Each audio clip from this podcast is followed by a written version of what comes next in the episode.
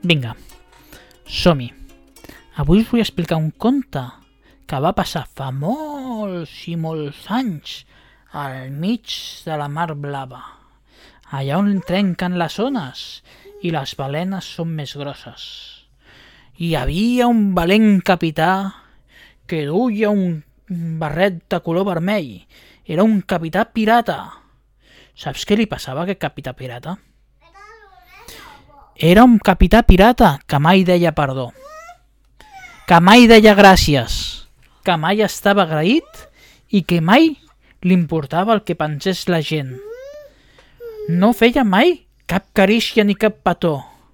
No feia mai una abraçada. Sempre era una mica agòlatra. Pensava que ell era el millor i que la més gent no, no necessitava res. I un dia, quan menys ho esperava, quan recollia la pesca que havien fet per, per poder fer el dinar, li va sortir de tots els peixos un cranc de color vermell. Sí, sí, un cranc de color vermell. Aquell cranc estava maleït. Estava maleït aquell cranc. I quan...